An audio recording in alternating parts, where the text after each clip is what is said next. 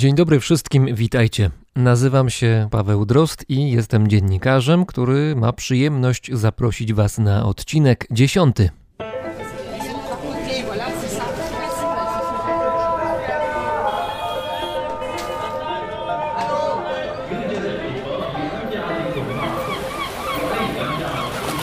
Brzmienie świata z lotu Drozda. Na pewno kojarzycie te reklamy. Mnie wyświetlają się dość regularnie. Na zdjęciu widać uśmiechniętą błogo kobietę albo uśmiechniętego mężczyznę. Oczy mają zamknięte, są w pozycji półleżącej. No, kwintesencja relaksacji i odpoczynku najwyższej próby. Dalej ta reklama ma kilka wariacji. Czasami na głowie widocznego na zdjęciu człowieka są okulary przypominające okulary porucznika LaForge ze Star Treka. Kto nie kojarzy o czym mówię, to niech sprawdzi w sieci. LaForge, okulary Star Trek. Od razu będzie wiadomo o czym mówię. Innym razem na tej reklamie ludzie mają coś jakby narciarskie gogle, a do tego rodzaj kasku połączonego ze słuchawkami. W każdym z tych przypadków nadawca reklamy obiecuje to samo. W kilka tygodni nauczysz się angielskiego, niemieckiego, hiszpańskiego czy innego języka. Bez wysiłku, bez trudności, na pewno. I choć to absurdalne, jest chęć, żeby kliknąć, bo przecież znajomość obcego języka Otwiera tyle drzwi, daje szansę zajrzenia do wnętrza innych kultur, środowisk czy narodów. A jeśli do tego wszystko ma odbyć się szybko i przyjemnie, to pokusa jest niemała. Prawda jest jednak taka, że bez wysiłku, poświęconego czasu i niemałych wyrzeczeń szybko obcego języka się nie nauczymy, chyba że mamy jakiś wrodzony talent albo na stałe mieszkamy w danym kraju i wtedy nie ma wyjścia. Albo zaczniemy się porozumiewać z ludźmi dookoła, albo utoniemy. Jakże byłoby wygodnie, gdyby był jeden wspólny klucz do kontaktu z ludźmi z całego świata, klucz do porozumienia ponad granicami, a do tego klucz łatwy do przyswojenia, niemal naturalny. W 1885 roku w Białymstoku Ludwik Zamenhof rzucił tej utopii wyzwanie, tworząc Esperanto, język sztuczny, międzynarodowy. Uznał mianowicie, że przyczyną konfliktów między ludźmi jest właśnie brak wspólnego jednego języka. 135 lat po narodzinach język Esperanto co prawda nie zawładnął światem, ale nie jest też martwy. O nim między innymi będzie mowa. To będzie odcinek o szukaniu porozumienia między kulturami, między narodami oraz indywidualnie o poszukiwaniu samozrozumienia. different,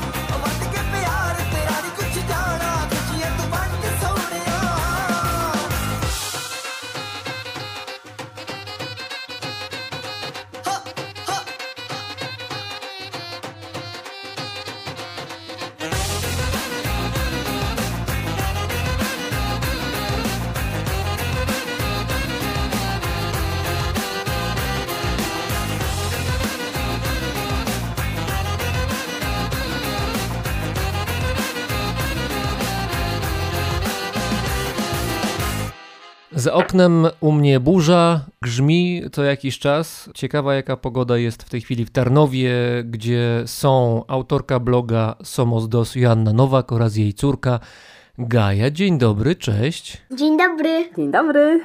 To jak tam z tą pogodą dziewczyny u was? Gaja właśnie patrzy przez okno. Yy, Pobiegasz do okna dokładnie sprawdzi przedziera się teraz przez kupę dysków, które leżą na podłodze. Na dyskach terabajty materiałów z drogi. Raczej nie pada, Raczej nie pada, Gaja, ale jest zachmurzono ale jest zachmurzono i zimno. i zimno.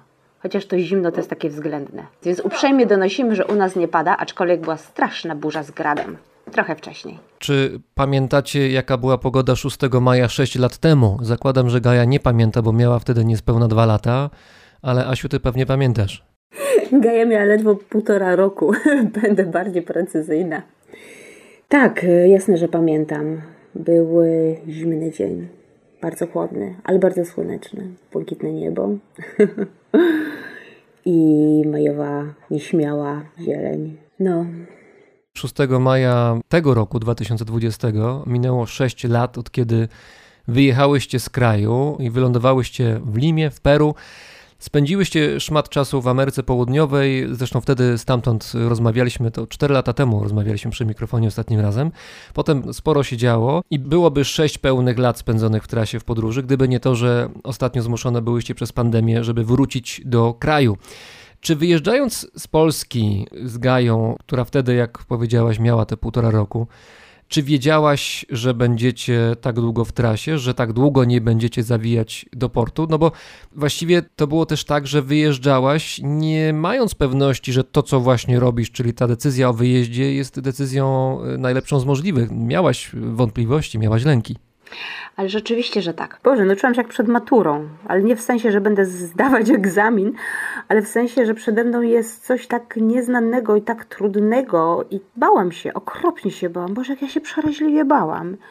A jednocześnie wiedziałam, że muszę, że nie ucieknę, że, że muszę temu stawić czoło i zobaczyć, co za zakrętem. Jejku, w ogóle teraz jak przegrzebuję się przez te terabajty materiałów, znalazłam takie zdjęcia, które myślałam, że, że zostały zjedzone przez wirusa. No czyli duża część została niestety zjedzonych z tych początkowych zdjęć, ale tam jest jedno takie zdjęcie, jak siedzę w przednoc może tak, albo w noc przed wylotem.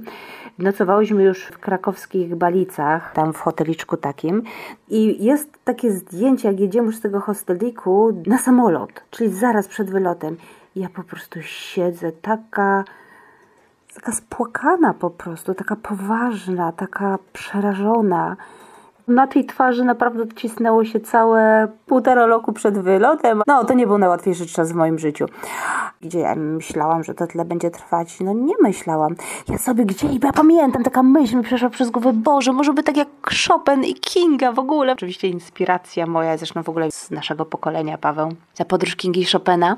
Ale pamiętam, tak sobie tak się uśmiechnęłam sama do siebie i pomyślałam, no akurat, kurczę, akurat.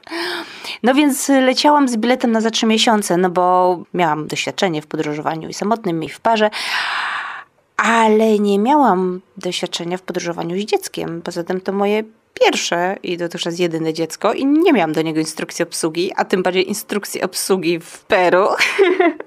Więc na wszelki wypadek bilet w garści miałam na za trzy miesiące. Uznałam, że jakoś trzy miesiące przebiduję i wrócę. Z tego co mówiłaś, to wyjazd był powodowany szukaniem wyjścia z jakoś skomplikowanej czy trudnej sytuacji życiowej.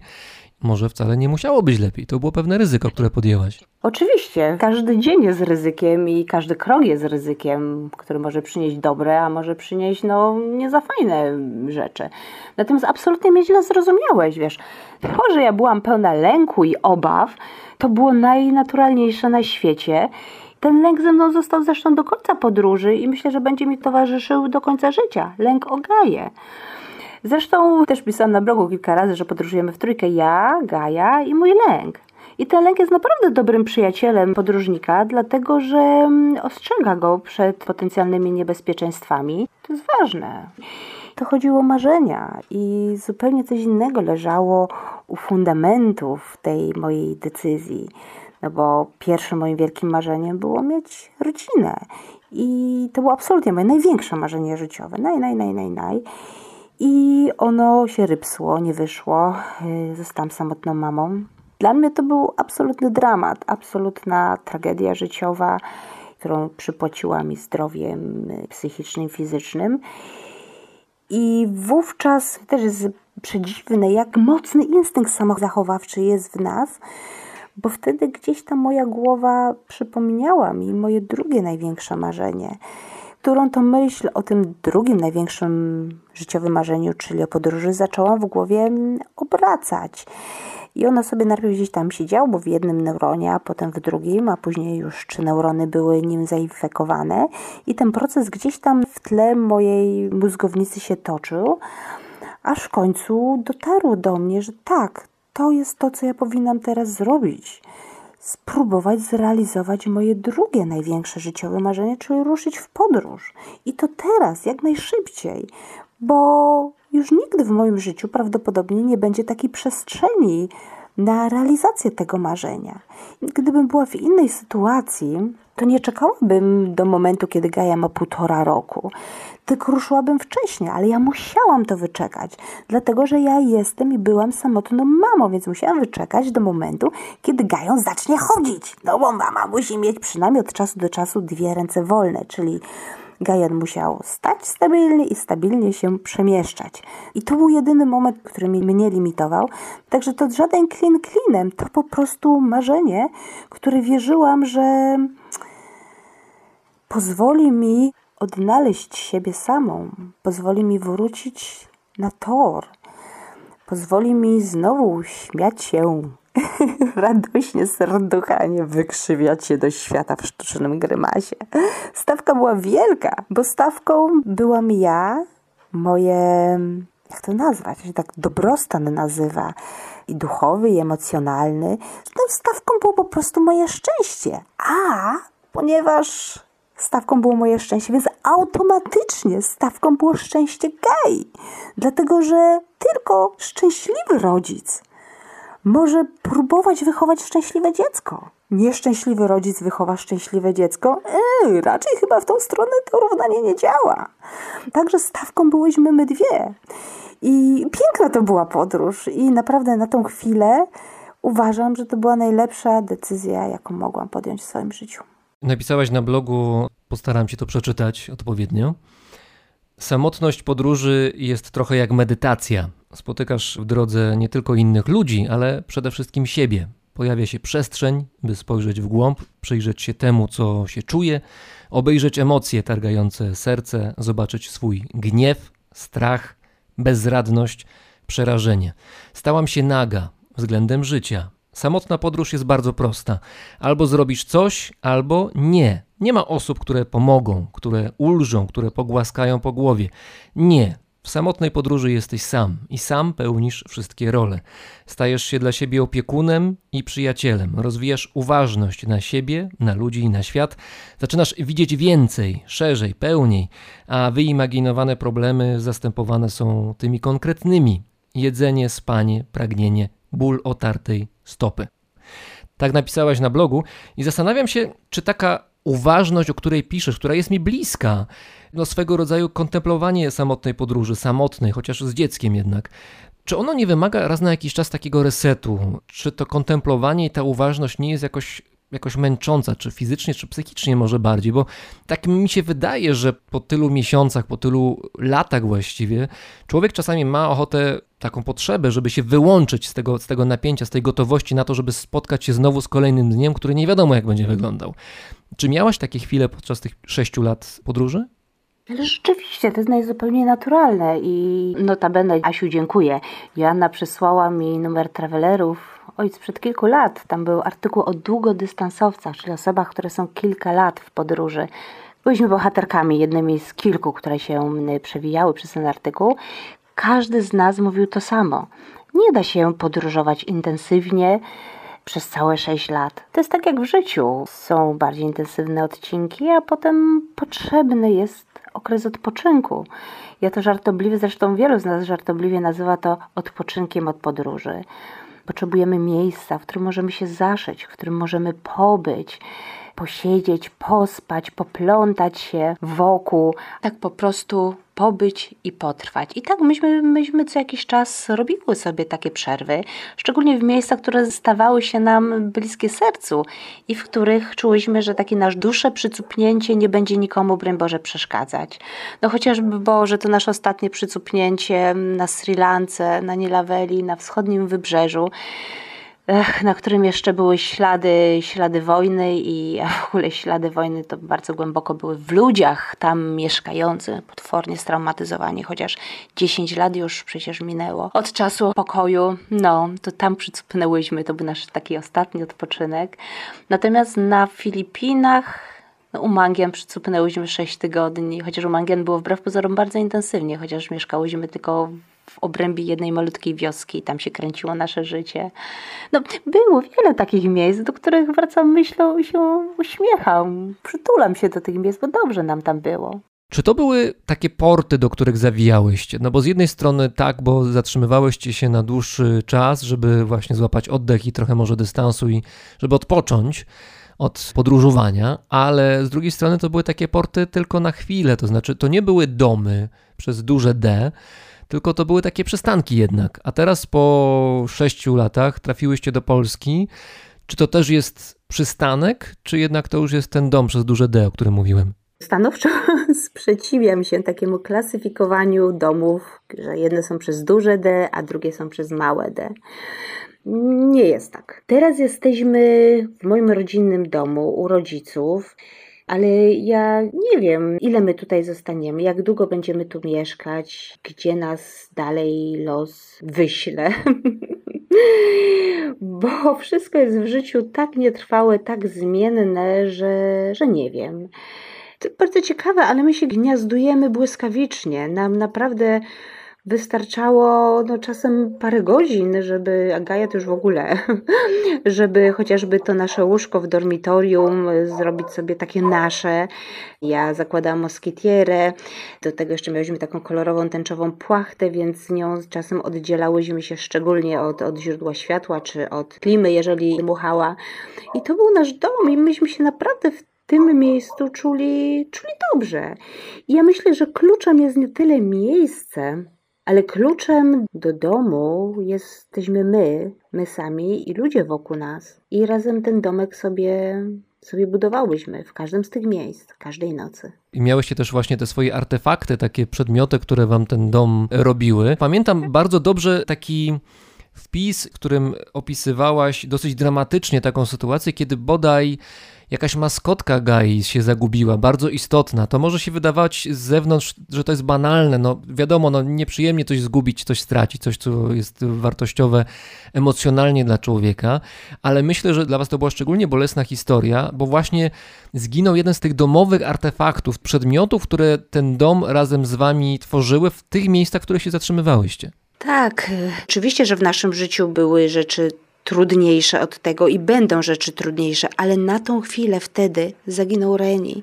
Zaginął ulubiony pluszaczek Gai, który z nami wszędzie, ale to wszędzie był, wszędzie. Reni uczestniczył w rozmowach, uczestniczył czynnie w podróży, komentował świat. Towarzysz podróży, gejkowy towarzysz podróży, bo to był dzieciaczek Gai. I to był tak wielki dramat, że moje serce się wnicowywało z bólu, patrząc na jej cierpienie. Jak to się wydarzyło i gdzie? To się wydarzyło dwa razy. Raz się wydarzyło tak, że myśmy wtedy autostopowały, byłyśmy po całej nocy w zasadzie nieprzespane i jechałyśmy przez takie bardzo wysokie góry. To było na Filipinach. No i ja miałam kilka podejrzeń, gdzie on mógł zostać. Między innymi był taki panie w takim sklepiczku, gdzie myśmy przycupnęły i tak dalej, i tak dalej.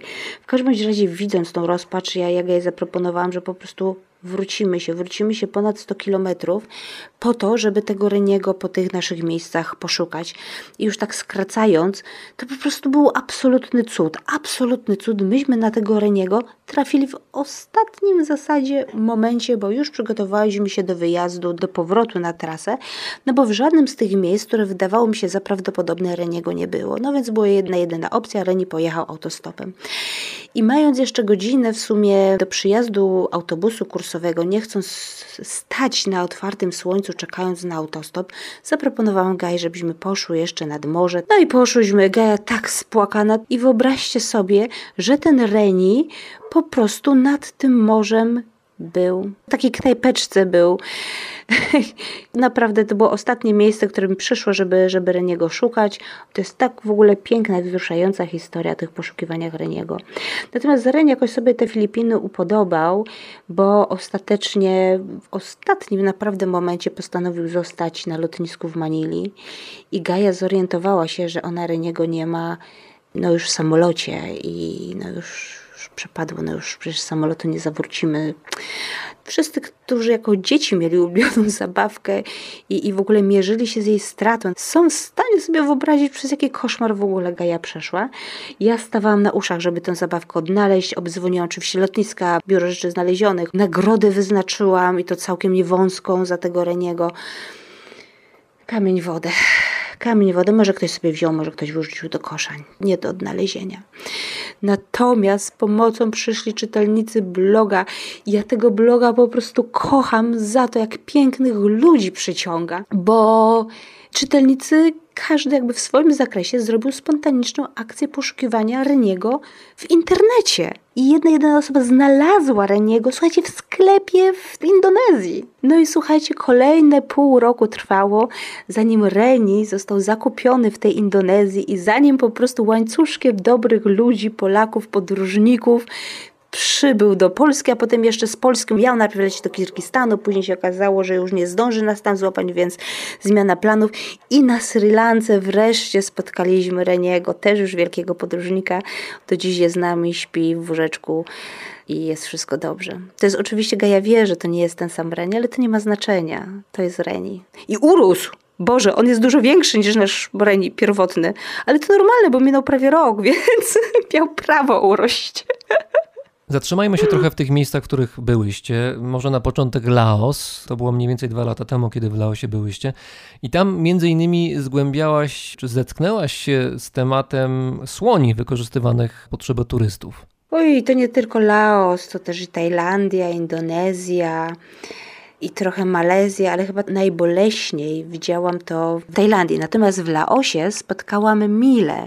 Mila to jest pani weterynarz, która między innymi pracuje ze słoniami. Mila teraz jest w Wietnamie. Pozdrawiam, bo będzie na pewno słuchała tej audycji. I ja oczywiście miałam świadomość, jak wygląda proces łamania słoni i zmuszania ich do posłuszeństwa, ale też z bólem serca widziałam, jak te słonie w tym upale, który jest naturalną rzeczą, ale po prostu pracują non-stop, wożąc nie dość, że turystów, ale przede wszystkim wożąc kosze, te platformy, w których się turystów ładuje. To jest karygodne, dlatego że słoń wbrew pozorom wcale nie ma takiej słoniowej siły, a przede wszystkim jego ciało, jego, jego kręgosłup jest wrażliwy i takie słonie no, bardzo odczuwają boleśnie skutki noszenia turystów i tych gondoli. Mają zwyrodnienia, bóle, wszystko to, co nas dotyka, to możemy sobie przenieść też na słonie. No, jak, jak nas boli kręgosłup, jeszcze promieniuje do którejś nogi, no to nie jest przyjemna sytuacja. No, widziałam bardzo dużo Azjatów, którzy mimo wszystko na słoniach jeździli, natomiast nie Azjatów już tak dużo na tych słoniach nie obserwowałam, co cieszy. Jednym z ostatnich miejsc, w którym byłyście jest Sri Lanka, mówiłaś o wschodnim wybrzeżu.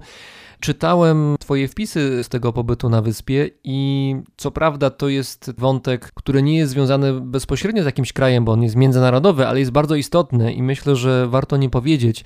To znaczy, mam na myśli to, że miałaś do czynienia, byłaś świadkiem sytuacji, kiedy topili się ludzie, w sytuacji zupełnie wakacyjnej, kiedy była letnia woda. No, zdarzają się niestety tragedie w takich okolicznościach. Wtedy, kiedy zapominamy, że prawa fizyki, woda i tak dalej wszędzie działają dokładnie tak samo, trzeba się mieć na baczności. Wyobraźcie sobie tak, turkusowa woda, piękny dzień, przeźroczystość taka, że na kilka metrów w głąb widzimy rybki pływające po rafie koralowej. Piękna wyspa, niewielka, z wielką natomiast łachą piachu i piękną zielenią i skałami do tego wszystkiego. Po prostu raj, rajskie miejsce. I tam na tej wyspie przybiega kobieta z płaczem, mówiąc, że jej mąż zaginął. Nie ma jej męża i nie widać go tam, gdzie miał snurklować. A to już starszy mężczyzna, około 60, może się coś stało, może skór rany boskie, może się zachłysnął, może go prąd, może to, może tamto. Byłam świadkiem bardzo sprawnej, szybkiej akcji ratowniczej, bo akurat ta wyspa należy do Parku Narodowego, więc tam byli strażnicy, oni są też oczywiście przeszkoleni do ratowania ludzi. Natychmiast po prostu, nie tracąc nawet sekundy, rzucili się na pomoc, czyli z tymi pamelkami, z kołami ratunkowymi, z płetwami zaczęli przeczesywać ocean. Co się okazało? Pan się odnalazł, popłynął po prostu w drugą stronę niż powiedział żonie, zmienił zdanie, a potem sobie jeszcze zatrzymał się przy skałkach i jeszcze sobie posiedział na skałkach, kiedy po prostu w zasadzie większość ludzi na wyspie, nie było nas tam dużo, ale w zasadzie wszyscy odchodziliśmy od zmysłów, no rany boskie, no gdzie on jest. W tym wypadku nic złego się nie stało, ale to zdarzenie otworzyło we mnie kilka szufladek, bo ja świadkowałam topieniu się człowieka. W Peru, słuchajcie, na plaży, zaraz po Nowym Roku, było tyle ludzi, gęsto po prostu ludzi, ręcznik przy ręczniku, po prostu głowa przy głowie w morzu, a to morze było, ocean, przepraszam, jakie to morze.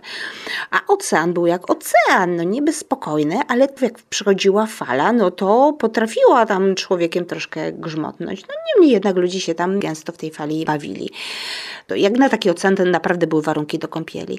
I nagle po prostu usłyszałam wycie, to, to Boże, ja go, ja go naprawdę mam w uszach i chyba nigdy się nie, nie pozbędę. I kobieta po prostu jak oszalała, biegająca na plaży, to obserwowałam z daleka, biegająca po plaży, wyciągająca ręce do nieba, wyjąca, krzycząca, w końcu padająca na kolana, drapiąca ten piasek, w końcu rzucająca się do morza. Nieokropne. No co się stało? No dwójka dzieci jej utonęła. Dwa latka i, i cztery latka. Ja, ja zachodziłam wtedy w głowę, jak mogły utonąć, no.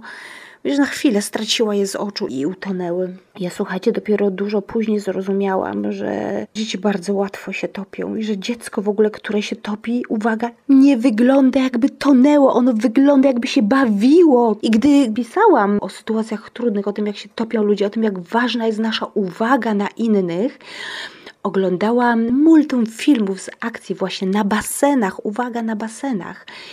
I widziałam też film, w którym dziecko się topi i nikt tego nie widzi. To jest film z kamery przemysłowej. Po prostu idzie człowiek, trąca to dziecko, które się topi, trąca je, patrzy na nie i idzie dalej. Babka sobie stoi oparta o brzeg basenu, bo to taki niegłęboki chyba był ten basen. I ona patrzy na to dziecko. Topiące się dziecko!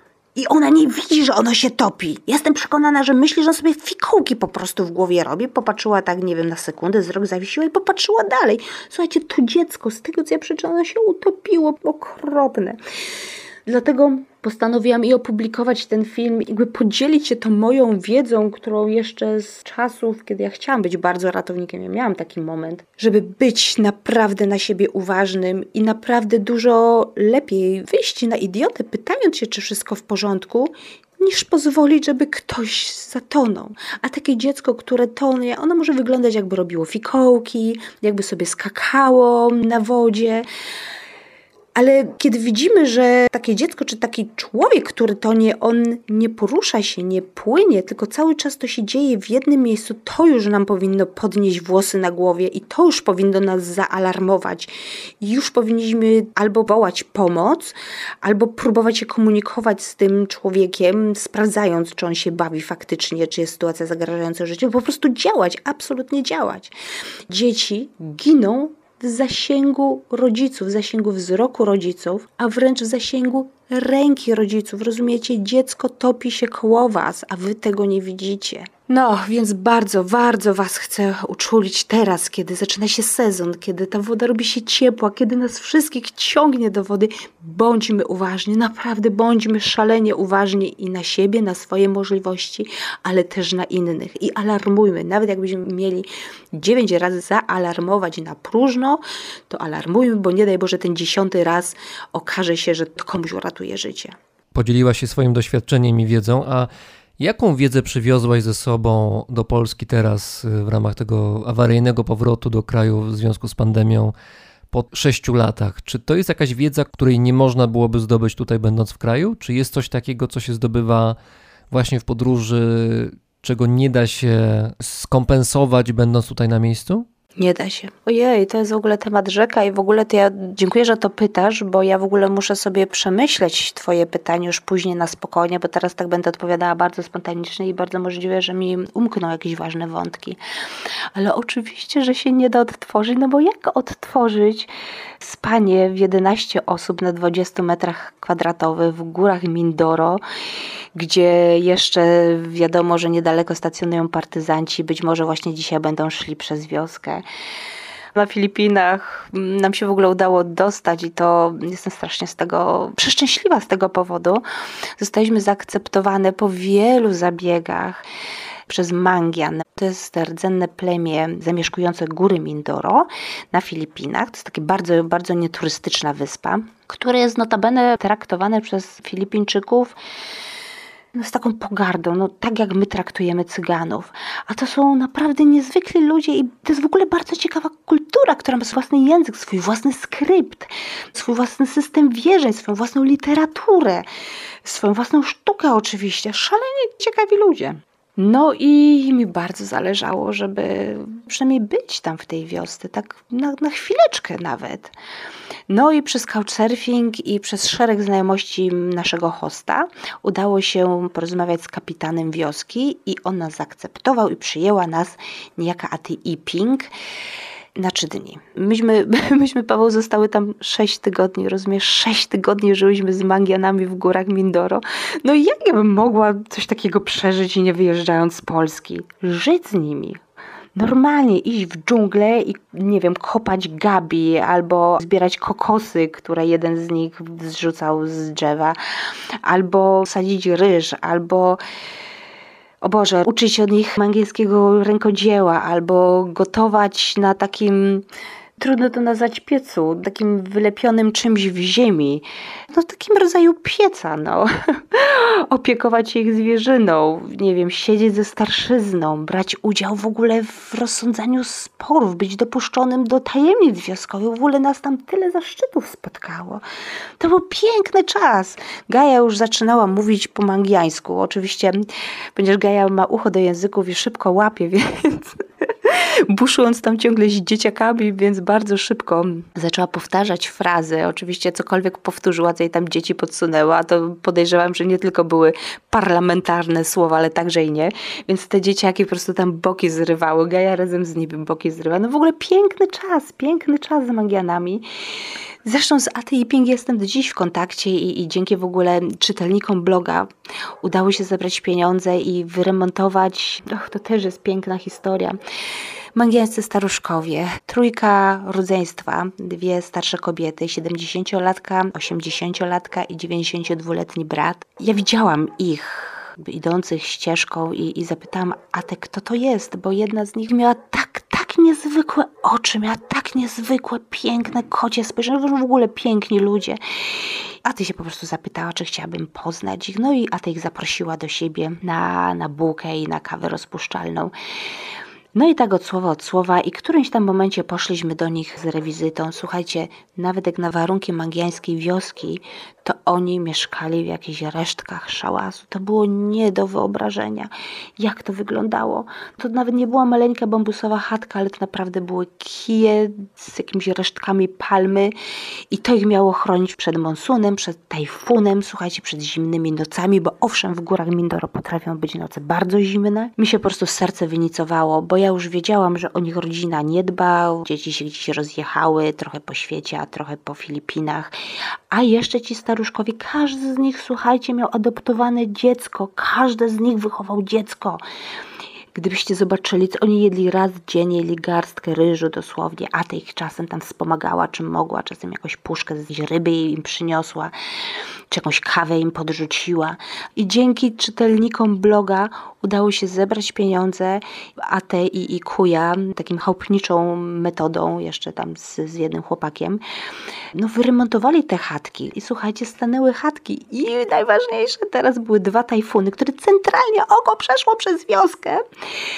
I chatki stoją, stoją i się dobrze mają, nienaruszone. Także ogromnie się cieszę, bo no mają, mają w czym mieszkać są bezpieczni, chatki są porządnie zbudowane. Natomiast chatka, no właśnie, no musielibyście zobaczyć naprawdę zdjęcia. Oczywiście są na blogu, zapraszam, są filmy stamtąd. Ale to jest chatka, która ma powierzchnię moich dwóch kanap, a ja mam taką zwykłą komunistyczną kanapę. To jest cała chatka, tam się odbywa ich życie, no.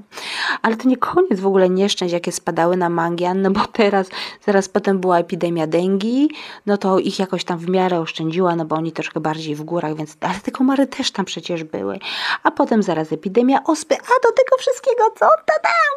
COVID i lockdown i słuchajcie, bieda piszczy, no bo po tych tajfunach po prostu dżungla gołocona, nie ma liści na drzewach, nie ma liści, nie ma wegetacji, nie ma jackfruitów, nie ma, nie ma po prostu owoców, które zbierali, czyli chlebowca nie ma, kokosów nie ma, mango nie ma, w ogóle nic nie ma w tej dżungli. Dżungla przestała być żywicielką. Dżungla potrzebuje czas, żeby się odrodzić. Uprawy wszystkie zniszczone przez ten tajfun. Więc zanim, zanim przyjdzie pora znowu na sadzenie, na zbieranie, no we wrześniu będą pierwsze zbiory dopiero. A na to wszystko jeszcze, słuchajcie, COVID i lockdown, oni zamknięci w tych górach, nie mogą w ogóle zjechać w dół, na dole się w ogóle jedzenie kończy. Im się skończyło, tam się kończy, no bo Filipiny to wyspy, łańcuch dostaw przerwany, no zaczyna się tragedia. No i a te, ona jest w ogóle przepiękną, ciepłą, otwartą, ale jednocześnie jest dumną. Jeśli ona prosi o pomoc, to znaczy, że jest naprawdę bardzo źle. I znowu wielki ukłon w kierunku czytelników bloga, bo naprawdę udało się zebrać zacną sumę i znowu, słuchajcie, łańcuch znajomych i te pieniądze trafiły do Aty Iping.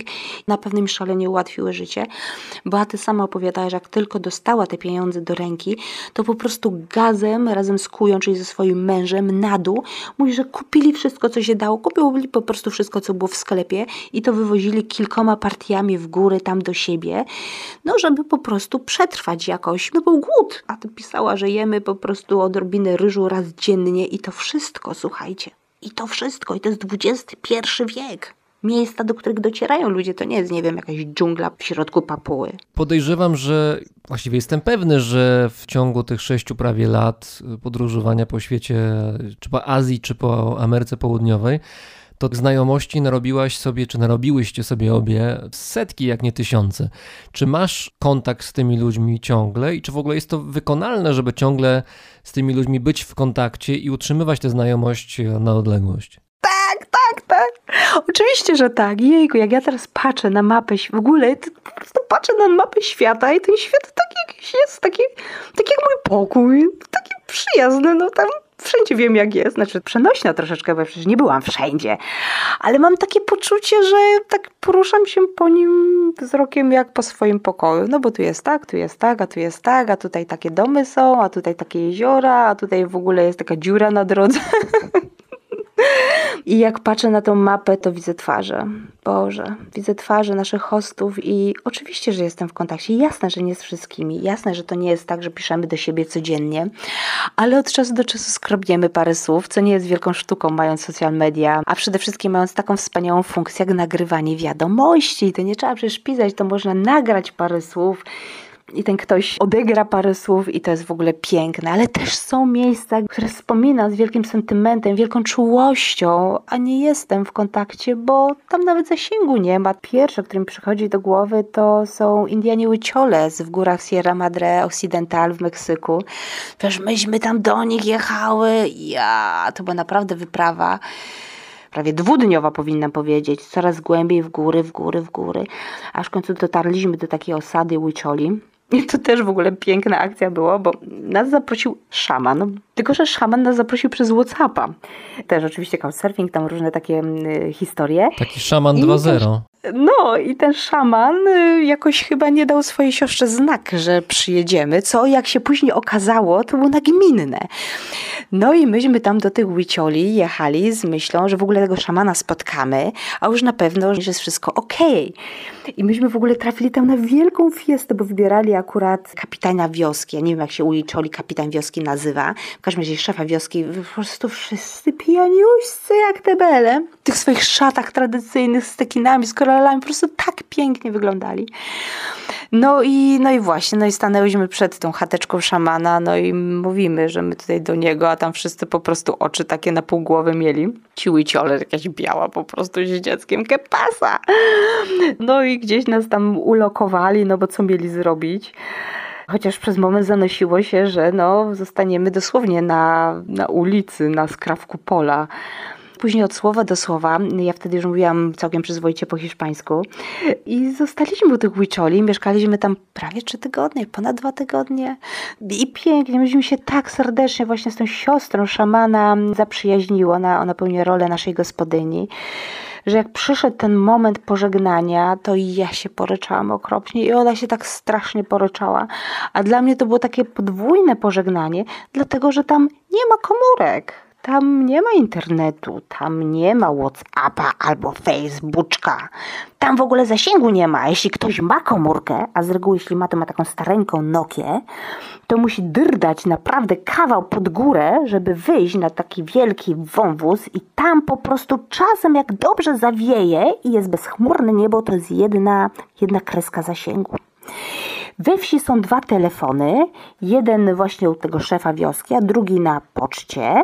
Poczcie to jest takie, takie wielkie słowo, poczta. No, to jest chatynka, która pełni rolę poczty. No i z nimi nie jestem w kontakcie, a bardzo bym chciała. Bardzo, bardzo. Jeszcze tak troszkę wracając do Twojego poprzedniego pytania, taka podróż szalenie rozszerza horyzonty i to naprawdę nie jest czcze powiedzenie, bo podróżuje się przez tyle kultur, przez tyle warstw społecznych, spotyka się tyle charakterów. I oni wszyscy, ci wszyscy ludzie, nieważne czy czarni, biali, żółci, zieloni, granatowi czy fioletowi, oni wszyscy są po prostu dobrymi ludźmi. Ja wiem oczywiście, że, że to jest tak, że my jesteśmy mieszanką i pięknie jest to zobaczyć. I tego się nie doświadczy siedząc na czterech literach w domu i słuchając tego. Owszem, można sobie wyobrazić, ale wyobrazić, a doświadczyć, przeżyć, to jest kosmiczna przepaść. Dużo osób ma poczucie, że podróż to są takie wakacje. Jedziesz sobie od kurortu do kurortu, jest w ogóle zaje fajnie, nie? Idziesz sobie do restauracji, to sobie co skubniesz, to sobie co skubniesz, to sobie siądziesz do czystego tam samochodziku, który cię zawiezie, to sobie poglądasz zabyteczki. Nie, kochani, podróżowanie nie ma nic wspólnego z wakacjami. Nic a nic. To nie są wakacje od życia. To jest życie. To jest po prostu życie z wszystkimi blaskami i cieniami jego. Teraz bodaj pod koniec sierpnia Gaja będzie obchodziła urodziny, prawda? Dobrze pamiętam? Tak, tak, tak. Gaja, to z awansem już życzę Ci wszystkiego najlepszego.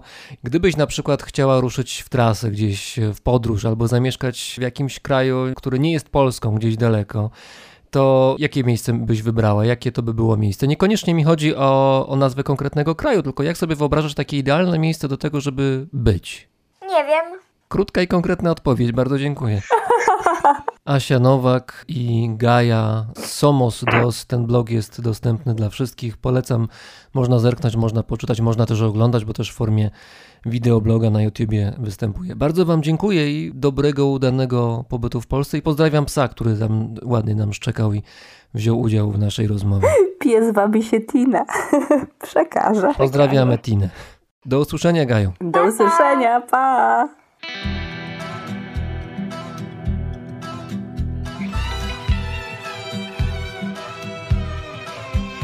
Foglio di carta, costruisci una barca, poi la metti nel mare e la fai navigare, e soltando le onde verso sogni lontani. Pensa quanti bambini stanno per arrivare, pensa quante avventure, tra speranza e paura. Mediterranea tanta gente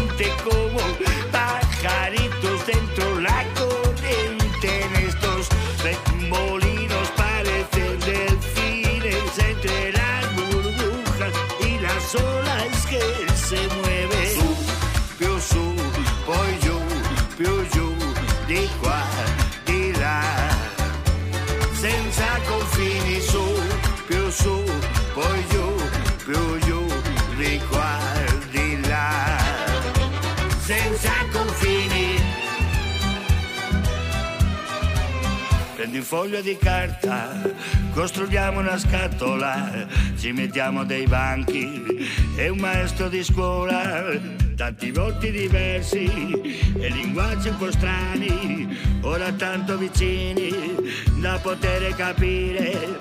Pensa a questa avventura senza più paura mediterraneamente guarda quanta gente come uccellini dentro la corrente in questo giro tondo sembrano gabbiani anche contro vento sanno già volare vanno su più su poi giù più giù di qua di là.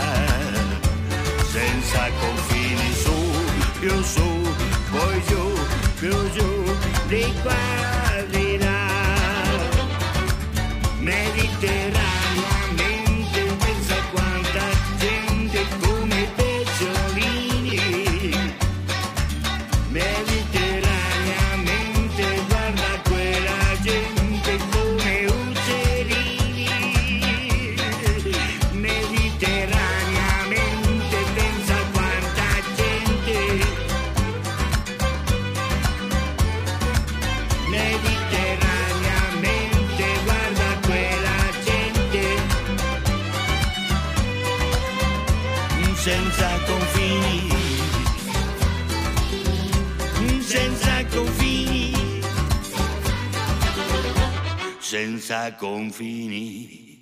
W pierwszej połowie XIX wieku na granicy Holandii, Prus i późniejszej Belgii powstał Moresnet. Było to terytorium sporne, dlatego uznano, że zachowa neutralność. Niedługo później Moresnet stał się de facto specyficzną miniaturą quasi państwa z własną strukturą i granicami.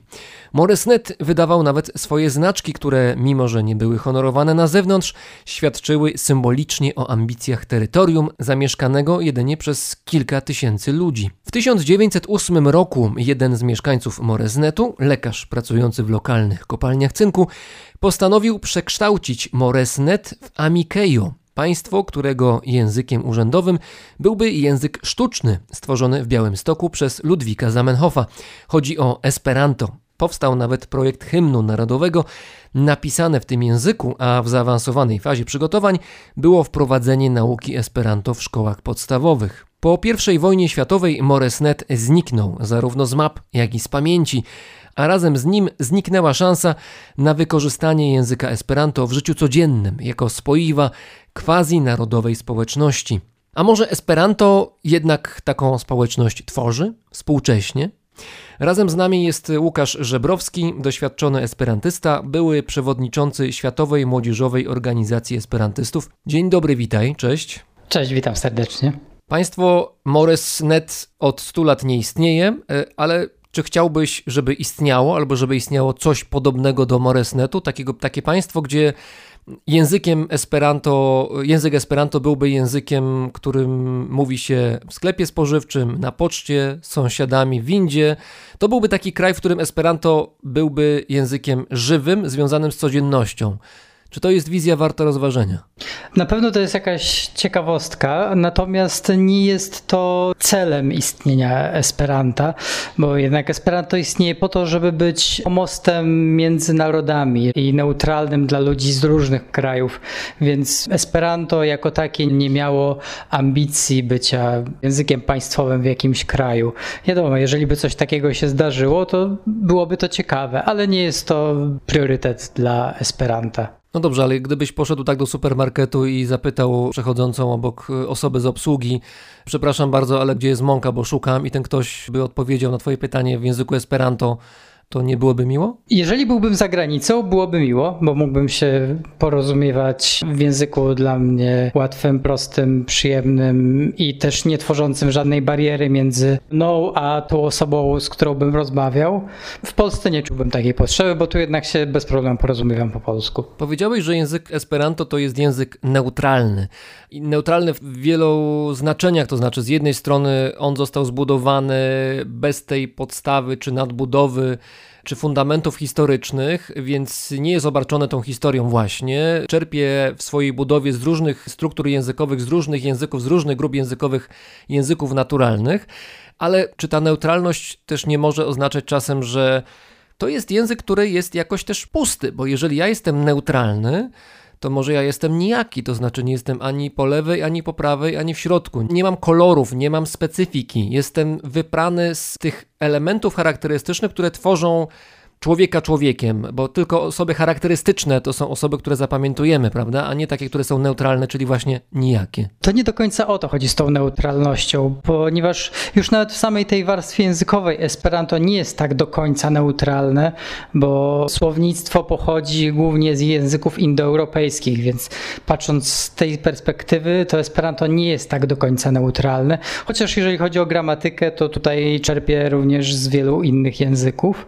Z tą neutralnością to bardziej chodzi o to, że w komunikacji międzynarodowej nikt nie ma nad nikim przewagi przez to, że porozumiewa się swoim językiem. Tak jak na przykład my jedziemy, nie wiem, do Wielkiej Brytanii, to no, nie rozmawiamy tam na równych zasadach z Brytyjczykami, tylko no, jest to dla nas jakiś język, na którego nauczenie poświęciliśmy kilkanaście lat życia. Natomiast odwrotnie, kiedy przyjeżdża ten Brytyjczyk do Polski, to on dla odmiany oczekuje, że tutaj też się porozumie po angielsku, a nie po polsku, co w sumie byłoby takim bardziej równościowym rozwiązaniem. I te języki, które są dominujące w różnych częściach świata, czyli tak jak na przykład angielski w świecie zachodnim, tak jak rosyjski do niedawna w bloku wschodnim, tak jak setki lat temu łacina, to zawsze są języki narzucone siłą. To są języki państwa, tudzież narodu, grupy jakiejś dominującej. Natomiast właśnie ta neutralność Esperanta polega na tym, że nie jest to język narzucony przez jakąś silniejszą grupę słabszej, tylko po prostu jest to jeden język dla całej ludzkości, którego każdy może się nauczyć w takim samym stopniu, tak samo łatwo, na tym samym poziomie się porozumiewać. No dobrze, ale jeżeli będę na przykład w Finlandii, nie znając fińskiego, a Finowie nie będą znali najprawdopodobniej polskiego, to znakomicie się dogadamy w języku angielskim, który nie należy ani do fińskiej, ani do polskiej kultury, więc on jest z naszej perspektywy językiem neutralnym, językiem, który ma służyć komunikacji. I jest poza tym też większa szansa na to, że i Fin, i Polak ten język angielski jakoś opanują z racji no, powszechności tego języka. W przypadku Finlandii pewnie tak będzie. Jak trafimy na południe Włoch, to może być zdecydowanie gorzej. Tam raczej koniec końców będziemy się porozumiewać na migi, bo osoby mówiącej po angielsku nie będzie tak łatwo znaleźć. A jak pojedziemy poza Europę, Europę, no to już w ogóle może się okazać, że jesteśmy w innym świecie i bez znajomości któregoś z chińskich dialektów w Chinach się nie porozumiemy za żadne skarby. Więc na dłuższą metę to tak nie zadziała, bo jednak nauka języka, który ma ten cały bagaż, który sobie narobił przez setki lat działania i no po prostu języki, które powstawały w sposób naturalny, są trudne. Ich nauczenie się wymaga zawsze długich lat pracy każdy ma to doświadczenie, chociażby z tym angielskim, na który poświęcamy kilkanaście lat nauki przez całą naszą karierę szkolną, żeby jakoś tam ten język umieć. Natomiast Esperanto jest dramatycznie łatwiejsze. Oczywiście to nie oznacza, że jest banalne i nauczenie się nie wymaga żadnego wkładu, jednak jest to zdecydowanie łatwiejsze. No, różnie tutaj ludzie mówią, niektórzy się nauczyli Esperanta w tygodnie, inni w miesiącu miesiące, inni w latach. Mi na przykład osiągnięcie poziomu takiego, w którym sam zacząłem nauczać Esperanta, zajęło dwa lata, więc wydaje mi się, że to jest zdecydowanie krótszy czas. Natomiast Esperanto jest też używane na przykład w Chinach czy w Japonii jako taki pierwszy język międzynarodowy nauczany w niektórych szkołach, dlatego że dzięki temu, że uczniowie się tam nauczą najpierw Esperanta, później są w stanie zdecydowanie szybciej nauczyć się innych języków, więc to jest jakby taki język, który im pokazuje, jak w ogóle uczyć się języków, dlatego że tego języka są w stanie nauczyć się w miarę szybko i bezboleśnie, w przeciwieństwie do innych języków. To znaczy, chcesz powiedzieć, że Esperanto w takich krajach właśnie jak Chiny czy Japonia jest językiem takim pomostowym pomiędzy językiem lokalnym, czyli wschodnioazjatyckim z tej grupy językowej, a językiem właśnie z grupy europejskiej? Znaczy, to nie jest powszechne, to jest po prostu w jakiejś tam ilości ograniczonej szkół czy uczelni stosowane, ale to jest metoda, która się sprawdza. Jeżeli ktoś z tamtego kręgu kulturowego najpierw się nauczy Esperanta, później osiąga zdecydowanie lepsze wyniki w nauce innych języków. Zresztą podobne projekty są też robione w Europie. Jeden z moich znajomych z Wielkiej Brytanii też prowadzi taki projekt w swojej szkole w Cambridge, gdzie uczniowie z są nauczani najpierw Esperanta, a później francuskiego. I jest też grupa kontrolna, która od razu uczy się francuskiego. Z tego jego programu wychodzi, że uczniowie, którzy najpierw uczyli się Esperanta, a potem francuskiego, osiągają w tym francuskim lepsze rezultaty po tym samym czasie, który poświęcili na naukę obu języków, niż ci, którzy uczyli się tylko francuskiego. Więc to działa nie tylko, jeżeli ktoś jest z tak odległej kultury jak chińska, ale generalnie sprawdza się bardziej bardziej uniwersalnie. Powiedziałem na początku naszej rozmowy, że państwo esperantystów, państwo Moresnet miało być państwem potem Amikejo, właśnie tym państwem, gdzie Esperanto miało być językiem quasi państwowym, że to państwo nie istnieje, ale państwo esperantystów właściwie istnieje współcześnie. To znaczy, oczywiście nie ma fizycznego terytorium, nie ma granic, ale to państwo ma swoich obywateli, którzy poświęcają swój czas i energię by to bezterytorialne państwo esperanckie rozwijać. Dwa miliony ludzi, tyle osób jak się szacuje włada językiem esperanto na całym świecie, więc to już jest jakaś liczba. Tylko, że oni są rozsiani, czy wy jesteście rozsiani po kontynentach, po państwach, ale jednocześnie jesteście bardzo zwartą grupą, jesteście połączeni, współpracujecie, jesteście we wzajemnym kontakcie. Wobec tego, gdybym zapytał, co was łączy, to czy odpowiedź prosta to jest, że język Esperanto, czy jednak coś tutaj jest więcej, jest jakaś idea za tym językiem, która stoi? Zdecydowanie to jest coś więcej, tak przynajmniej ja to odbieram. To, co łączy społeczność esperantystów, właśnie tą rozsianą po całym świecie, to jest chyba takie ogólne podejście do świata, taka otwartość. Otwartość na innych ludzi, otwartość na inne kultury, chęć poznawania to w moim odczuciu jest coś, co rzeczywiście łączy esperantystów. Kiedy esperantyści spotykają się jeżdżąc po świecie, czy to na spotkanie esperantystów, czy po prostu zwiedzając świat, spotykając esperantystów wszędzie po drodze, to ten aspekt poznawania kultur, poznawania siebie nawzajem, tego jak żyjemy, to jest wyróżnik coś wyjątkowego i ważnego. Co roku, zwykle na przełomie lipca i sierpnia, czyli w tym roku już niedługo, odbywają się międzynarodowe kongresy esperantystów. To jest taki duży zjazd, gdzie rzeczywiście sporo osób, którzy władają językiem esperanto, przyjeżdża na miejsce. I krytycy Esperanto, czy ludzie złośliwi, to mówią, że te kongresy są no, dosyć absurdalne. To znaczy, zjeżdżają się ludzie ze całego świata po to, żeby porozmawiać o tym, że rozmawiają w języku Esperanto. Jak byś odpowiedział na taki zarzut? Taki zarzut może podnieść tylko ktoś, kto nigdy na takim kongresie nie był, ponieważ program takiego kongresu jest bardzo zróżnicowany. Oczywiście znajdują się tam punkty programu, które dotyczą samego języka, natomiast większa część programu dotyczy zupełnie czegoś innego. Zazwyczaj kongresy mają jakieś swoje tematy, tudzież ludzie zajmują się tym, czym normalnie zajmują się na co dzień, czyli powiedzmy na takim Światowym Kongresie Esperantystów swoje spotkanie ma również organizacja kolejarzy esperantystów. No to właśnie, to, to słysza, słyszałem o tym, że jest organizacja kolejarzy, chyba nawet rolników esperantystów światowych.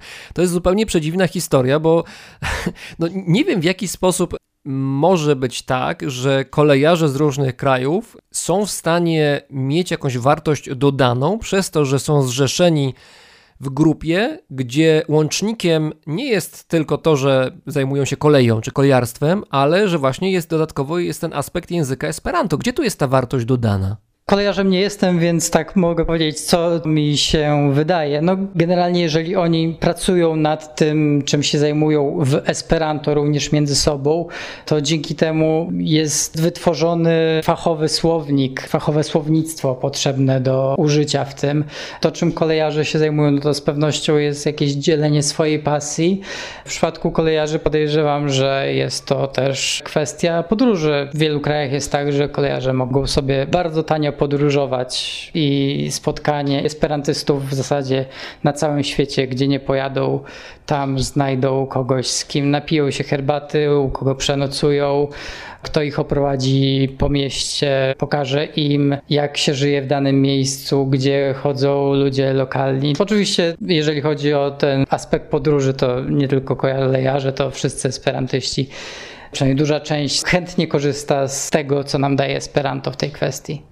Tutaj słyszałem różne opowieści, które traktuję trochę jak legendę, ale to może zweryfikujesz, czy to legendy są, czy nie, że władając językiem Esperanto, będąc w tym środowisku, bo to jest, jak powiedzieliśmy wcześniej, niewielka, ale jednak zwarta grupa, mimo że rozsiana po całym świecie, Będąc w tej społeczności, jestem w stanie stosunkowo szybko i do tego jeszcze niskokosztowo podróżować po świecie, będąc przekazywanym sobie niemal z rąk do rąk przez ludzi, którzy właśnie zajmują się Esperantem w danym kraju. Czy to jest prawda? Czy to jest legenda, czy jednak to rzeczywiście działa?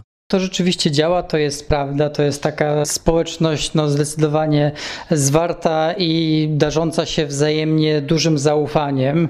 O ile trudno pewnie nam sobie wyobrazić, że z nienacka przyjmujemy obcą osobę w domu tak po prostu, to jak jesteśmy częścią tej społeczności esperantystów, to przyjęcie do siebie do domu jakiegoś podróżującego esperantysty jest normalne, często spotykane, zupełnie nie dziwne chwilę przed pandemią jeszcze Warszawę zdążyli odwiedzić goście z Argentyny, których wcześniej w ogóle nie znałem. Byli to po prostu znajomi, poleceni przez kolejnych znajomych, którzy się odezwali, że podróżują po Europie i spytali się, czy mogą przyjechać do nas na tydzień, więc jasne, nie ma problemu. Byli u nas. Tak samo podróżują inni esperantyści.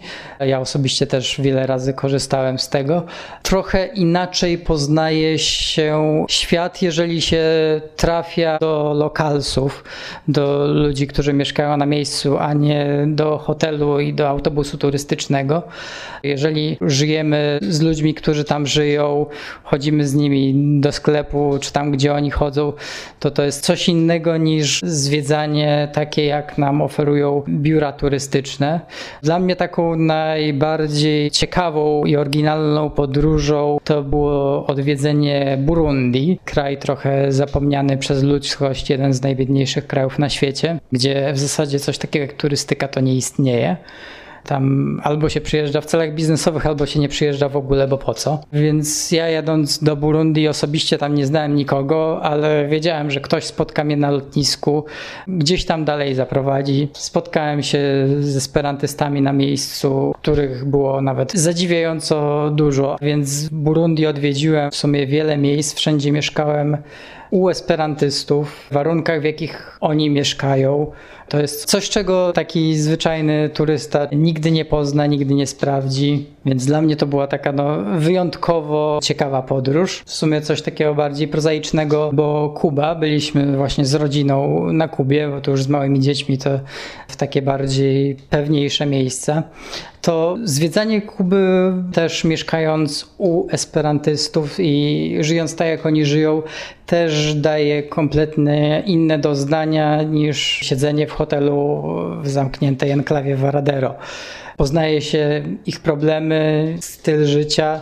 Pewnie to brzmi jakbym mówił banały. Natomiast jeżeli się rzeczywiście tym żyje, to odczuwa się tą różnicę między podróżowaniem w ten sposób, a podróżowaniem klasycznym z biurem turystycznym i tak dalej. Z tego, co mówisz i z tego też, co słyszałem, sam fakt bycia esperantystą powoduje, że ma się rodzaj takiego niewidzialnego paszportu, w którym jest napisane, że jego posiadacz, posiadacz tego paszportu jest osobą godną zaufania, albo nawet jakoś więcej, że to jest dobra osoba, z którą warto mieć kontakt. No bo skoro zna Esperanto, interesuje się, no to przecież nie może być osobą złą. Nie może być osobą, która tego zaufania nie jest godna. To jest właśnie taki rodzaj przepustki do tego, żeby z ludźmi się spotykać. To powoduje, że obce osoby, nie znające się zupełnie, tak jak mówiłeś o tych ludziach z Argentyny, którzy mieszkali u ciebie przez tydzień, ci obcy ludzie przyjechali, zaufałeś im właściwie na zasadzie takiego zaufania ślepego, gdzie podstawą tego zaufania był tylko sam fakt, że oni władają Esperanto. No dokładnie tak, tak samo samo jak jechałem do Burundi. Osobiście nie znałem tam nikogo, miałem tylko kontakt. Nie miałem żadnego hotelu, transportu z lotniska, typu taksówki zamówionej, nic. Po prostu wiedziałem, że przyjadę i ktoś tam na pewno po mnie będzie, bo, bo powiedział, że będzie. Więc rzeczywiście przyjechałem, poznaliśmy się, znamy się do tej pory i to jest fajne. Było powiedziane wcześniej, że Esperanto to jest takie narzędzie do zrozumienia międzykulturowego i jest to narzędzie o tyle skuteczne, że jest to narzędzie neutralne, to znaczy język jest neutralny, nie ma tam jakichś naleciałości historycznych czy, czy znaczeniowych. On jest czysty w pewnym sensie. Czy to powoduje, że rzeczywiście można głębiej wejść w inne kultury poprzez Esperanto, czy może jednak jest tak, że Esperanto jest takim rodzajem filtra, który właśnie zabiera te elementy, które pozwalają dobrze zrozumieć dany kraj, no bo przez tę swoją neutralność jest niejako przezroczysty. Jeżeli jesteśmy z ludźmi, którzy nam chcą objaśnić swoją kulturę przy pomocy Esperanto, to oni tak to potrafią zrobić, żebyśmy to zrozumieli. Wiadomo, jeżeli oni są w tej kulturze zatopieni, potrafią oni opowiedzieć w Esperanto, które jest no, językiem, w którym no, wszystko da się powiedzieć, więc to, co by chcieli powiedzieć, da się powiedzieć. Wiadomo, że to nie jest tak, jakbyśmy przyjechali na Kubę i mówili po hiszpańsku, albo przyjechali do Burundi i mówili w Rundi i Swahili jednocześnie. No ale nie jesteśmy w stanie się nauczyć wszystkich języków świata, więc jest to język, który daje ten pomoc w zupełności kompletny i wystarczający. Czy język Esperanto zaczyna już tworzyć jakąś własną kulturę? No bo jest to język sztuczny, czyli odarty z elementów i narodowych, i kulturowych, historycznych jest językiem stworzonym przez jedną osobę, przez Ludwika Zamenhofa. Na przykład powiedzmy kultura języka niemieckiego to są niemieccy pisarze, to jest ileś set lat doświadczeń, to jest pewien styl czy, czy sposób patrzenia na rzeczywistość albo sposób opisywania tej rzeczywistości, podobnie powiedzmy z kulturą i językiem rosyjskim, z językiem polskim, z kulturą anglosaską. Po niemiecku mówimy Ordnung muss sein, prawda? Używamy tego sformułowania właśnie językowego, który mówi o tym, że Niemcy stereotypowo są tacy owacy, Rosjanie są tacy, Czesi są tacy, Polacy jeszcze są jacyś inni, Francuzi jeszcze inni, a jacy są esperantyści? No, na przykład podejrzewam, że nie istnieje coś takiego jak esperancka kuchnia. Chyba, że się mylę, może coś takiego jest. Kuchnia akurat podejrzewam, że nie, bo Esperanto jest bogate o tyle, o ile bogate są wszystkie kuchnie świata. Częstym punktem programu na tych imprezach esperanckich, o których mówiliśmy, są jakieś festiwale kulinarne, gdzie goście z całego świata przygotowują swoje dania, prezentują je na takim wydarzeniu więc Esperanto jest tutaj pośrednikiem. Podobnie może być też w literaturze, na przykład istnieją dużo książek, tłumaczonych na Esperanto z jakichś z naszego punktu widzenia niszowych języków które na przykład nigdy nie zostałyby przetłumaczone na język polski, bo mało które wydawnictwo by coś takiego zrobiło, więc e, dzięki temu esperantyści mogą w łatwiejszy sposób poznawać kulturę całego świata, nie tylko tą mainstreamową, która jest dostępna w zasadzie w każdym języku, ale również bardziej niszową, bo esperantyści z danych krajów takie rzeczy tłumaczą, chcą się tym podzielić i dzięki temu wszyscy na świecie mogą, esperantyści mogą to przeczytać. Natomiast jest też coś takiego, co jest tylko w Esperanto, typu książka, która jest humorystyczna tylko dla esperantystów, bo zawiera humor dotyczący ruchu esperanckiego. O, to bardzo ciekawe, to dasz jakiś przykład takiego dowcipu? Nie wiem, przychodzi esperantysta do lekarza, czy jakoś inaczej jest? To może najpierw słowem wstępu. W każdej społeczności istnieją jakieś podziały, podgrupy szkoły falenickie i otwockie. Nie inaczej jest u esperantystów. Jest na przykład taka grupa nazywana bonlingwistoj, która uważa, że w esperanto należy używać jak najmniej neologizmów, a jak najwięcej słów złożonych z już istniejących rdzeni. I dowcip polega na tym, że pytamy kogoś, kiu estas bonlingvisma vorto por universitato, co oznacza, jakie jest słowo, które ci esperancy puryści językowi zalecają, żeby używać zamiast słowa uniwersytet. No i tutaj osoba zapytana pewnie się chwil zastanowi, najprawdopodobniej odpowie, że to jest altlernejo, czyli szkoła wyższa. Wtedy odpowiadamy ne kondomo. Oczywiście słuchacze pewnie już się domyślają, że kondomo to w esperanto prezerwatywa, natomiast jakby się przyjrzeć bliżej temu słowu, to można zauważyć, że może mieć również inne znaczenie. Domo to dom, kono to jest znajomość, wiedza, więc kondomo może również znaczyć dom wiedzy. Czyli wychodzi na to, że jest jakiś równoległy świat esperancki, do którego zwykli śmiertelnicy dostępu nie mają. Tak, wiadomo, w każdej kulturze jest coś takiego, że trzeba ją też bardziej poznać, żeby niektóre rzeczy odbierać i na przykład humor jest czymś takim. Trudno jest się przestawić. Widziałem też sporo dowcipów w Esperanto tłumaczonych z innych języków i szczerze powiedziawszy rzadko były dla mnie śmieszne. Natomiast humor taki stricte esperancki zazwyczaj jest przezabawny. Bardzo śmieszne śmianie się z samego siebie. Istnieją też zespoły muzyczne, które śpiewają po esperancku. Ja nawet znalazłem takie playlisty na Spotify, gdzie trochę takich zespołów jest. Nie ma ich zbyt wiele, ale to, co mnie uderzyło, że niemało jest wśród nich kapel, które są zespołami tworzonymi przez ludzi młodych. Zespoły rockowe przede wszystkim. No, ja nie gustuję za bardzo w tego typu muzyce, ale są, działają. I zadziwiające jest dla mnie to, że ci ludzie, którzy tworzą w ten sposób, to znaczy używają tego języka, skazują się na bycie w niszy, no bo ileż może być potencjalnych y, słuchaczy ich muzyki, tam odsłon jest zwykle między 1000 a no maksymalnie 10 tysięcy odsłon danych piosenek, więc to nie jest jakoś bardzo dużo, a mimo tego te zespoły istnieją, więc zastanawiam się, co powoduje młodymi ludźmi, że wchodzą w to środowisko tak głęboko, że właśnie są skłonni tworzyć muzykę w języku Esperanto. Zadaję to pytanie tobie, ponieważ byłeś przewodniczącym Światowej Organizacji Młodzieży Esperanto, esperanckiej. Jaka jest motywacja młodych ludzi, którzy wchodzą w to środowisko? W młodym wieku ludzie chcą się dzielić czymś od siebie ze światem. Z jednej strony to jest tak ograniczenie ilościowe, ale z drugiej strony to jest nieograniczenie przestrzenne. Muzycy esperancy są znani na całym świecie, chociaż w mniejszej grupie ludzi, ale jest to inny sposób szerokiej znajomości danej muzyki. Też zadaję to pytanie, ponieważ z zewnątrz Esperanto sprawia trochę wrażenie nietypowego hobby.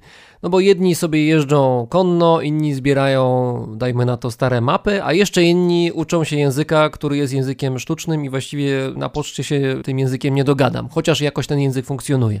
Ale z tego, co mówisz, wynikałoby, że za Esperanto jest jeszcze coś więcej, to znaczy to nie jest tylko hobby, to jest jakiś rodzaj może nie sposobu myślenia, ciekawego skrzywienia perspektywy w takim dobrym znaczeniu, to znaczy esperantyści trochę inaczej widzą siebie wzajemnie, trochę inaczej widzą świat poprzez ten kontakt przez język Esperanto, przez ten łącznik, przez tą bazę, niż ludzie, którzy kontaktują się ze światem zewnętrznym poprzez języki naturalne, czy to angielski, francuski, niemiecki, czy jakikolwiek inny, hiszpański na przykład. Czy dobrze myślę, że rzeczywiście to zmienia perspektywę, znajomość języka Esperanto? Tak, to jest jakaś identyfikacja wspólna dla nas wszystkich, która tworzy coś takiego specjalnego pomiędzy ludźmi, którzy tak naprawdę mogą się kompletnie nie znać, a mimo, że spotykają się po raz pierwszy w życiu, to mają wrażenie, jakby już się znali. Jakby się spotykało ze starymi znajomymi, mimo że wpada się na kompletnie nowych, nieznanych sobie ludzi w jakiejś innej części świata. To jest taka jakaś identyfikacja, która łączy tych ludzi w taką niematerialną wspólnotę, bym powiedział. Z tego co mówisz, to wychodziłoby na to, że Esperanto jest realizacją takiego mitu o idealnym porozumieniu międzykulturowym, takim zrozumieniu ponad kulturami. To działa, dokładnie. I esperantyści z chęcią korzystają z tego, że to działa i to jest dla nas w pewnym sensie sposób na życie. Jesteś esperantystą praktykującym i wierzącym, można powiedzieć. Razem z tobą esperantystką jest twoja żona. I z tego co wiem, to wkrótce esperantystami zostaną również wasze dzieci, ponieważ wasza rodzina jest rodziną dwujęzyczną, to znaczy mówicie po polsku, ale staracie się też wprowadzać język Esperanto w domu. W zasadzie to nie zostaną, a już są od urodzenia, bo stosujemy wychowanie dwujęzyczne, więc model, w którym jeden rodzic mówi w jednym języku. Akurat u nas tak to ustawiliśmy, że ona mówi do dzieci po polsku, ja w Esperanto, więc po prostu dzieci od urodzenia mówią w dwóch językach. I takich rodzin na świecie jest w sumie całkiem sporo. Dzieci z różnych krajów zjeżdżają się, bawią się ze sobą przez tydzień czy dwa, używając między sobą Esperanta, który jest dla nich takim samym językiem jak język z kraju, z którego pochodzą. Więc używają go w sposób zupełnie naturalny i taki sam jak polski. To teraz na koniec bym poprosił, żebyś w języku Esperanto zachęcił tych wszystkich, którzy nas słuchają, do tego, żeby zainteresowali się językiem Esperanto. A żeby zrozumieć to, co mówisz, to każdy będzie musiał sobie przetłumaczyć. Bardzo proszę. Cari auscultantoi, vi jus audis quelcain vortoin pri nia lingvo. Mi esperas che tio almenau iomete interesigis vin pri gia ideo, cae eble vi shatus lerni. Estas facile, vi povas trovi en interreto au cie ain vi loĝas iun Esperanto-klubon au Esperanto-kurson en la reto, cae simple lerni, cae veni al ni, aligi, cae giui. A ja wiem, że zrozumiałem chyba coś. Estas już. facile, czyli jest coś proste. I simple lerni to chyba, że łatwe do nauczenia. Zgadza się? Tak, zgadza się. Kilka tygodni dla najlepszych, największych szczęśliwców, tyle im zajmuje nauczenie się Esperanto, to może ja będę do nich należał. Kto wie, może znajdę te kilka tygodni, żeby podjąć wyzwanie i zmierzyć się z językiem Esperanto i dołączyć do tej, właściwie powiedziałbym, że nawet takiej subkultury językowo-międzynarodowej. Pasuje ci takie określenie? Tak, można to też tak nazwać. Wiadomo, no, jak każda społeczność ma wiele aspektów i w wielu aspektach z pewnością też można byłoby tak to nazwać. A są przekleństwa w języku Esperanto? Są, zgadza się. To ich nie będziemy w takim razie nauczać. Jak ktoś będzie chciał, to się nauczy. Może w drugiej kolejności. Łukasz Żebrowski był z nami, doświadczony esperantysta, były przewodniczący Światowej Młodzieżowej Organizacji Esperantystów. Y, Muchos gracias, czy jakoś podobnie, nie wiem, nie sprawdziłem dokładnie, ale Koran Duncan, od Koro Serce. Koran Dankon, od serca. Bardzo dobrze. To ja od serca bardzo Ci dziękuję. Wszystkiego dobrego. Również dziękuję, do usłyszenia.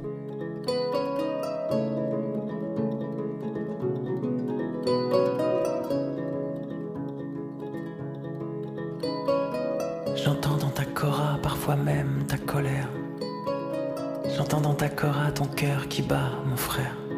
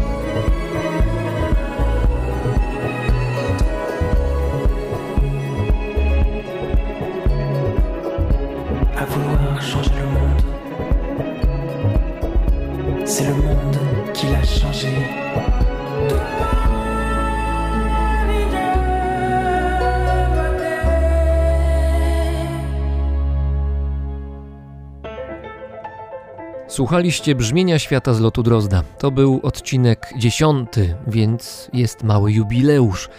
Dziękuję wszystkim, którzy słowem i uczynkiem poprzez wpłatę na Patronite zapewniają warunki do mojej dalszej pracy. Nie ma przesady w stwierdzeniu, że bez Waszej pomocy brzmienie świata nie mogłoby zabrzmieć. Wszelkie wnioski, interpelacje oraz y, komentarze przyjmuję na facebookowym profilu mojej audycji, jak i na Instagramie, gdzie też możecie mnie znaleźć.